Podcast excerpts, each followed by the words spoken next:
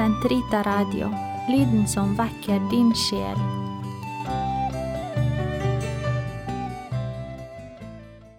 Den katolske kirkes katekisme, uke 51, mandag 1030 til 1037. Den endelige renselse, skjærsilden. De som dør i Guds vennskap og nåde, men som ikke er fullkomment renset, gjennomgår, selv om deres evige frelse er sikret, etter døden en renselse, slik at de kan få den hellighet som er nødvendig for å kunne gå inn til himmelens glede. Denne endelige renselse av de utvalgte, som er helt forskjellig fra den straff de fordømte gjennomgår, kaller Kirken purgatoriet, skjærsilden.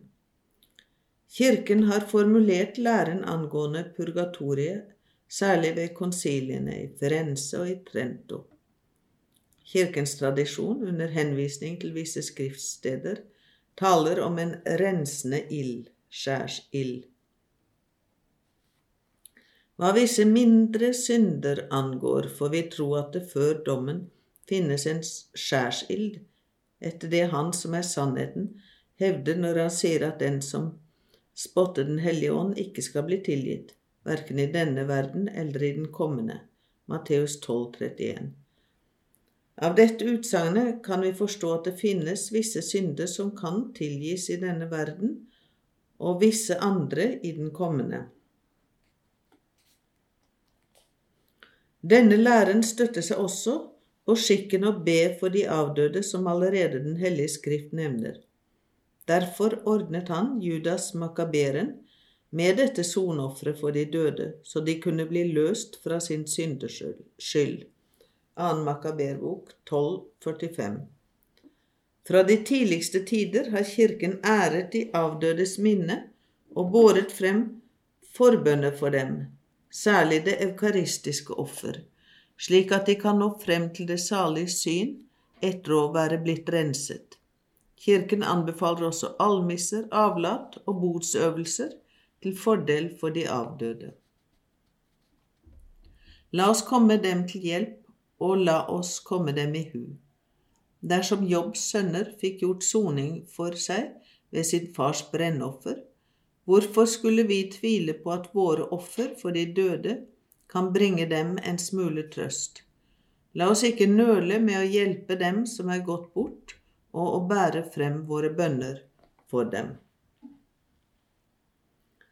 Helvete. Vi kan ikke forenes med Gud uten frivillig å velge å elske ham.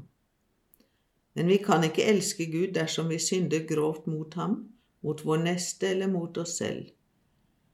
Den som ikke elsker, er fremdeles i dødens rike. Enhver som hater sin bror, er en morder, og dere vet at ingen morder har evig liv i seg. 1. Johannes 3, 15. Vår Herre advarer oss om at vi vil bli skilt fra ham dersom vi ikke kommer de fattiges og de ringes av hans brødres nød i møte. Å dø i dødssynd uten anger og uten å ta imot Guds miskunnsrike kjærlighet betyr å blir skilt fra ham for alltid etter eget fritt valg.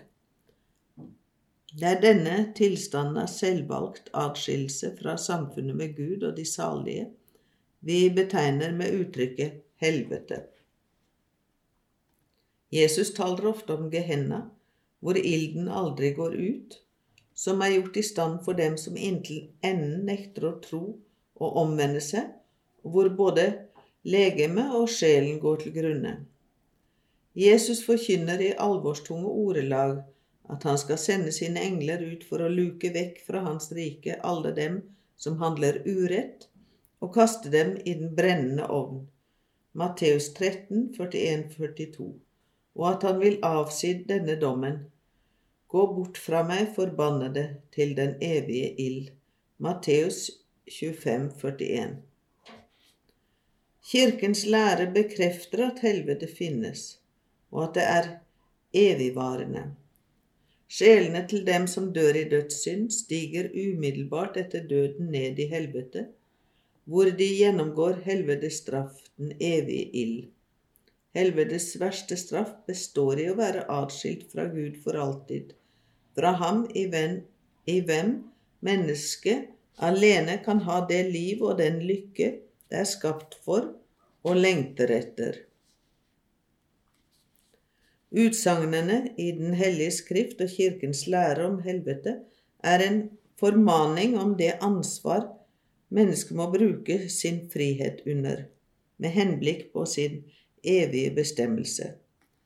Samtidig utgjør de et inntrengende kall til omvendelse.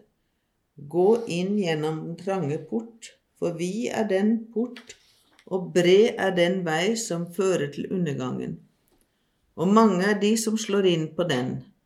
Men trang er den port, og smal er den vei som fører til livet, og få er de som finner den. Matteus 7, 13-14 Men fordi vi verken kjenner dagen eller timen, må vi lytte til Herrens advarsel og være stadig årvåkne. Da vil vi nemlig, når vårt eneste liv er til ende, tre inn sammen med ham til bryllupsfesten og finnes verdig til å bli regnet blant de velsignede, og ikke som dårlige og late tjenere bli sendt bort til den evige ild i mørket utenfor, der de gråter og hulker bittert. Gud forutbestemmer ingen til å gå i helvete. For at så skal skje, kreves det at man med vilje vender seg bort fra Gud dødssynd og forherder seg inntil enden. I sin eukaristiske liturgi og i sine troendes daglige bønner bønnfaller Kirken om Guds barmhjertighet. Han som ikke vil at noen skal gå fortapt, men at tvert imot alle skal komme til omvendelse. 2. Peters brev 3,9 Herre, ta imot denne offergave fra oss, dine tjenere og hele ditt folk. Styr våre dager i din fred.